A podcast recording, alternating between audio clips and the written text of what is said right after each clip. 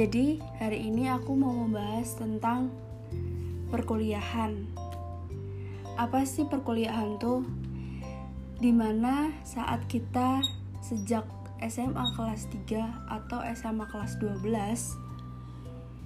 kita akan melalui tahap di mana pembelajaran kita diuji yaitu ujian nasional.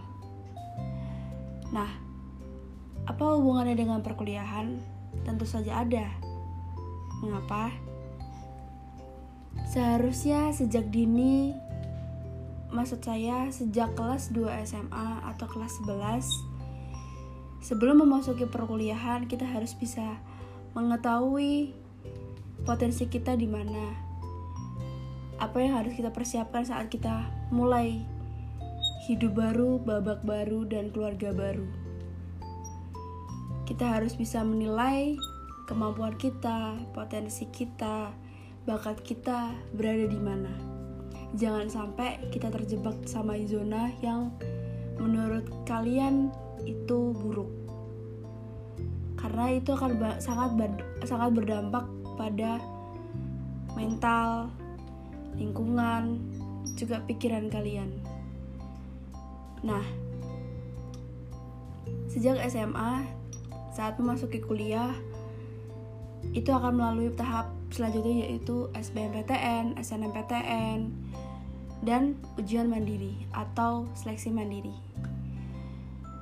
Nah, sedangkan SBMPTN itu ujian melalui komputer.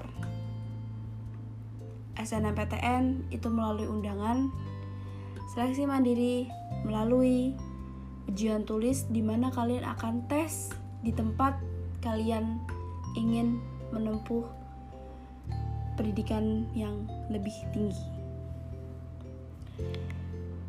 Tidak lupa, saat kalian ingin memasuki dunia perkuliahan, tentu saja kalian harus meminta restu kedua orang tua kalian. Terus, saat perkuliahan mulai, kalian akan dibimbing oleh dosen dan wali dosen atau asdos. Saat kalian masuk, pertama kali yang akan ditanyakan adalah perjanjian saat mata kuliah berlangsung.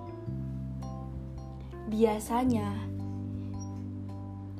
perkuliahan dimulai apabila telat itu 15 menit sebelum perkuliahan dimulai.